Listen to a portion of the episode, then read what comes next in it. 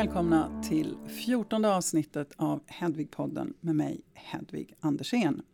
Idag har jag Paul Beatus här med mig. Välkommen Paul, jättekul att du är här. Tack, det är jätteskoj. Uh, och Paul är VD och grundare för H2 Health Hub. Så att du kunde kanske börja med att berätta lite grann för oss vad det är för någonting. Absolut. H2 är en innovationshubb och mötesplats för entreprenörer och startups inom eh, heltech i Stockholm. Tanken var att ha en permanent mötesplats för alla som jobbar med framtidens hälsolösningar.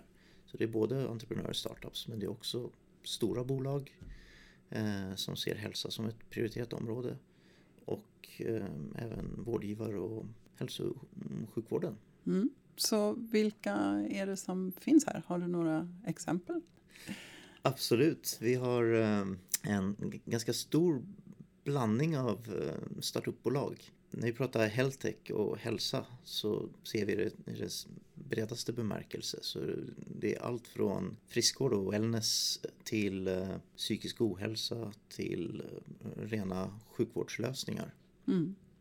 Till exempel bolag som Challengize som ehm, sköter företagsfriskvård genom roliga tävlingar och ehm, motivationsprogram. Vi har bolag som Access Lab och Begripsam som jobbar med personer med kognitiva utmaningar och psykisk ohälsa. Eh, vi har bolag som ehm, MedUniverse som eh, har en lösning för utbildning av, eller fortbildning av eh, kliniker och samtidigt verktyg för läkemedelsbolag att kommunicera ut nya behandlingsmetoder och så. Mm. Och så har ni lite större företag här också va? som eh, sponsrar er? Våra medlemmar är ju små snabbväxande bolag. De har ju alla en global eh, marknad för ögonen. De ska ut i vida världen. Eh, och lite av tanken bakom H2 är då att man kan hjälpas åt. Så därför har vi bjudit in ett antal industripartners mm. som är stora globala bolag. Mm. Ehm, där vi just nu har Samsung, vi har ehm, Pfizer som är ett stort läkemedelsbolag, Novartis, Bristol Myers Squibb mm. och Abvi. Mm. Ehm, vi har bland annat Bonnier som ett mediebolag. Mm. Alla de här bolagen ser hälsa som ett viktigt affärsområde och det som är intressant det som händer nu är att det kommer nya spelare som kanske inte har jobbat med hälsa tidigare men som kommer spela en stor roll. Och de vill vi få med i H2. Mm, ja, men det är en spännande blandning. Nu är ju digital hälsa eller digital health det är ju en annorlunda mix av företag som har olika företagskulturer. Man har ifrån hälso och sjukvården som är en starkt reglerad marknad och sen har man också eh, techbolagen som inte är så reglerad, tvärtom, och väldigt snabbväxande företag medan life science-bolagen traditionellt då är, är, mycket mer långsamma i sin utveckling med olika kliniska studier som tar eh, rejält med tid. Så det blir ju två verkligen olika världar som ska mötas och, och jämkas samman. V vad ser du för utmaningar med det? En av utmaningarna är ju naturligtvis eh, att läkemedel är så utveckla läkemedel är en så otroligt annorlunda eh, djur mot att utveckla en eh, webbplattform eller en app. Men jag tror man, man kanske inte ska se det som det är två konkurrerande eh, verksamheter utan läkemedel kommer vi alltid behöva och de kommer man behöva utveckla och de behöver utvecklas på sitt sätt. På sitt sätt. Mm. Eh, men väldigt mycket, mycket av eh, läkemedelsutvecklingen, många projekt strandar på att man har eh, patientunderlaget i den kliniska studien och eh, där man ofta har en normalfördelning av bieffekter. Mm. Och där eh, bieffekterna är för stora så får man lägga ner de projekten. Det är väldigt många projekt som faller på att det är mm. för många personer som mm. har bieffekter. Men det är fortfarande väldigt många som inte har några bieffekter. Vad teknik och digitalisering kan göra med mer avancerad eh, diagnostisering och utifrån individens är att man kan börja gallra fram vilka svarar mot ett visst läkemedel och vilka gör det inte. Mm. Så att man faktiskt kan få igenom läkemedel som tidigare har stoppats därför att man har Mm. bättre upplösning. Man kan ha mer personal health, personalized health. Ja, precis. Mm. Och där kommer det krävas eh, input från många olika typer av data. Mm. Där in, individer och patienter idag samlar ganska mycket egen data Mm. men som inte riktigt används Mm. på det sättet idag. Så vilka är de stora områdena som du ser inom just digital hälsa? Alltså de, de områden som växer snabbast och som är ja, de, de hetaste för tillfället? Eh, De mest snabbast växande är faktiskt de som har med tillgänglighet av vård att göra. Uppdämt behov av eh, att kunna träffa läkare på patientens villkor. Och det ser vi ju i varenda gathörn. För nu ser man ju reklam för Kry och min doktor och eh, det finns säkert tio stycken bara i Sverige. Så det är uppenbarligen ett fält som har varit ganska lättillgängligt och där man har pumpat in ganska mycket pengar för att hitta vägar igenom systemet. Andra fält som är väldigt spännande som kommer komma väldigt mycket är psykisk ohälsa.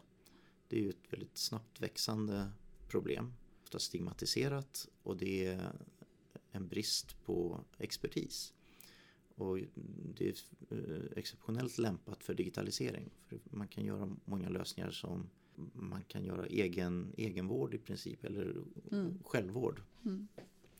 Eller i kombination med terapi men asynkront så via chatt och text Mm. kombinerat med mm, samtal. Mm. Så där kommer det hända jättemycket också. Mm. Eh, det här med att liksom samla data, för det är väldigt mycket företag som olika applikationer som samlar väldigt mycket data. Vi, vi har ju en extrem möjlighet idag att, att samla på oss data. Men en av de viktiga utmaningarna här är att se till att få fram rätt information ur den här datan. Det är inte mängden data som är det viktiga utan det är liksom att kunna extrahera den där smarta informationen som man vill ha. Och det här är väl ett område som också är tror jag, starkt i, i, i framväxande.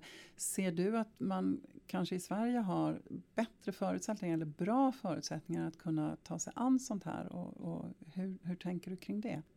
Ja, vi har fantastiska förutsättningar i och med att eh, vi är ett väldigt digitaliserat folk. Alla Mm. har i stort sett en smartphone i fickan. Vi har ganska hög inkomst så vi har råd att köpa konsumentelektronik som samlar data. Så det skapar ju naturligtvis väldigt bra förutsättningar. Sen gäller det ju att kunna dela den här datan på ett smart sätt så att den kan aggregeras och behandlas. För att eh, bara ha machine learning och algoritmer för att kunna ta tillvara på det här bygger ju på att man har många datapunkter.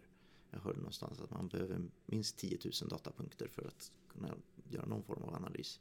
De som först hittar ett sätt på ett enkelt sätt kunna dela data mellan individer i utbyte mot att få kunskap om sig själv kommer kunna göra ett jättekliv framåt i hur det här fungerar. Och, och det har vi alla. mm, Vi har kompetensen här, vi har mentaliteten och Mm. individerna som samlar data och är intresserade. Mm.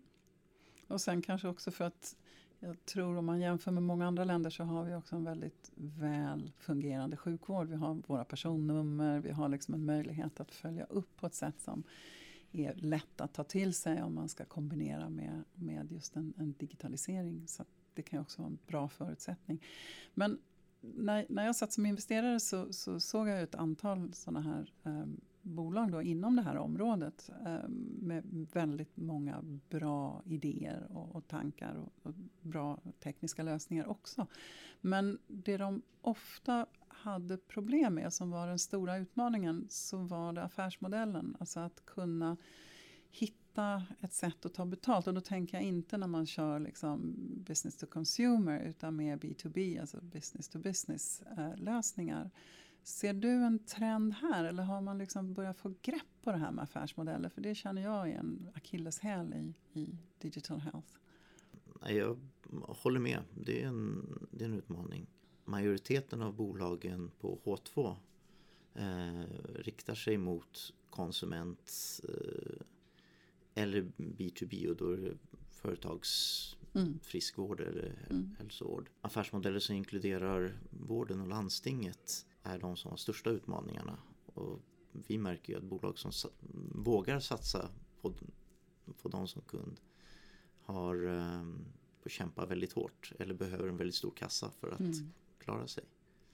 Men jag tror vad jag börjar se lite nu från vårt perspektiv är att försäkringsbolagen börjar vakna till liv. För det handlar ju om, det finns ju otroliga värden att spara på samhällsnivå genom hälsoteknologi. Eh, men då gäller det att man kan räkna på det och förstå var i vinsterna ligger. Och det är någonting som försäkringsbolag är väldigt duktiga på. Det märker nu, Skandia gör jättesatsningar. Länsförsäkringar har precis investerat i iFlow som är ett hälsoteknologibolag. Eh, och det finns några till som börjar komma. Så att det kanske kommer komma affärsmodeller som bygger mm. på försäkringsbolagen. Inte så mycket nödvändigtvis som i USA att man har sjukförsäkringar men just med prevention. Mm.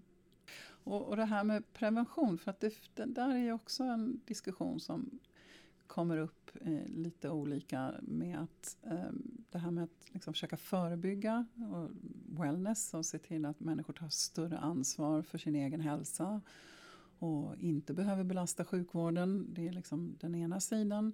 Eh, den andra sidan är att om man då eh, gör för mycket egenvård och inte söker läkarvård i tid så blir det liksom ännu jobbigare för vården. Det blir lite som alla de här hemmafixarna när det var såna här hemmaprogram på tv och alla skulle bli rörmokare och elektriker och gud vet allt. Sen blev det inte så bra och sen fick, fick liksom snickarna komma dit och försöka reda ut vattenskador och annat eh, till en betydligt högre kostnad. Så att, alltså det är ju en avvägning däremellan. Eh, hur, hur tänker du kring det? Eh, jag tror att det scenariot är snarare idag det här med att man inte söker vård för att vården inte är så tillgänglig eh, gör att många går och drar på det mm. och kommer in för sent. Mm. Eh, sen, det är ju nästan som en klyscha men det, det, det, finns ju ändå belagt att den stora kostnaden i hälso och sjukvården idag är folk som har kronisk sjukdom och multisjuka. Mm. Och just när det gäller kronisk sjukdom så har man ju i bästa fall väldigt lite med vården att göra. Och sen sköter man ju egenvården på egen hand. Utan att det har funnits speciellt bra. Där har ju fått, folk fått gissa sig fram, prata i sina patientgrupper och så här, få stöd av varandra. Nu börjar det finnas ganska, eller väldigt bra lösningar för att kunna hantera en kronisk sjukdom som kommer göra att följdsjukdomar eller mm, konsekvenser av att man inte hanterat sitt tillstånd på bra sätt mm, minskar. Mm. Om man tar ett bolag som Imagine Care eh, som har utvecklat en plattform där patienten, den riktar sig mot patienter med kroniska sjukdomar. Där patienten har ett helt stödsystem omkring sig. Dels med sensorer och kunna logga man äter, hur man mår, hur man medicinerar. Men eh, också sensorer som står i bakgrunden som man inte märker av. Och så sitter det ett care management team bakom kulisserna och mm. kan plocka upp om någonting händer. Och då gå in och liksom, ja, men, antingen ringa upp eller kalla in. Mm. Det blir ett väldigt smidigt system mm. för båda parter. Mm. De här tankarna kring att när du ger dig in i, i liksom sjukvårdssegmentet med, med din produkt eller din tjänst Eh, att hantera det här med de regulatoriska aspekterna men också med reimbursement. För det kan ju ibland snedvrida konkurrensen lite grann eller anledningen till att man köper eller inte köper en produkt. Eh, och det här pratade jag i en annan podd om men jag tror att det här är väl också någonting som utmanar digital hälsa och, och om något. Så att, jag vet inte om du har, har lite tankar kring det också. Eh, det, jo, det har, jag har tankar om allt möjligt. Det är en utmaning. Det intressanta är när man pratar med eh, folk som sitter på reimbursement-sidan och tittar på ersättningsmodeller så har man att det finns väldigt mycket allting går att ersätta på olika sätt. Men någonstans i systemet så pratar inte det med de lösningar som faktiskt finns. Och jag tror i diskussioner så kommer det ofta fram att det som är en kostnad på, om man nu tar, tar vården och eh, enskilda sjukhus eller kliniker. Ofta blir situationen att, eh, att köpa in en eh, lösning, en digital lösning, eh, blir en kostnad på ett ställe och den stora besparingen blir någon annanstans mm. i samhällssystemet. Mm. Då bokförs ju det som en kostnad och det kanske till och med leder till att det blir mindre patienter till den kliniken. Med påföljande problematik eh, med ja, men hur ska vi hantera det här? Mm. Jag tror att om, om, man får drömma eh, så skulle jag vilja se någon sorts e-handelssystem med ungefär som utsläppsrätter. Att om eh, en klinik eller en vårdgivare gör en investering för någonting som drar ner kostnaderna genom att det blir färre patienter eh, eller patienterna mår bättre och behöver mindre, mindre, vård, ja. mindre vård.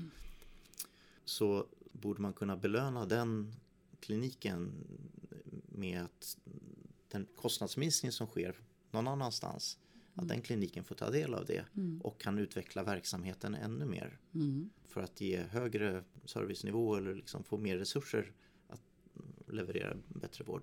Det, det skulle vara ett rätt bra incitament tror jag ja. för många att det är ett bra verktyg för någon som lyssnar på det här att ta fram en sån lösning. För att jämna ut kostnader och, och, och, intäkter inom sjukvården.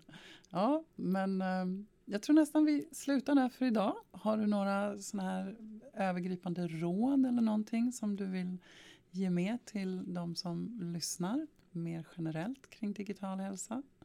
Ta, ta, ta, ta vara på tillfällena och testa gärna nya lösningar. Var öppna för att testa nya lösningar mm. och se på de möjligheter det skapar.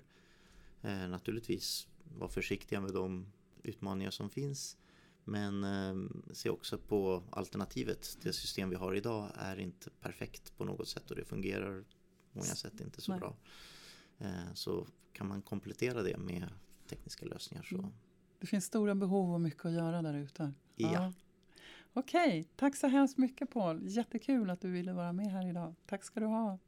Tack Hedvig. Hej då och på återhörande.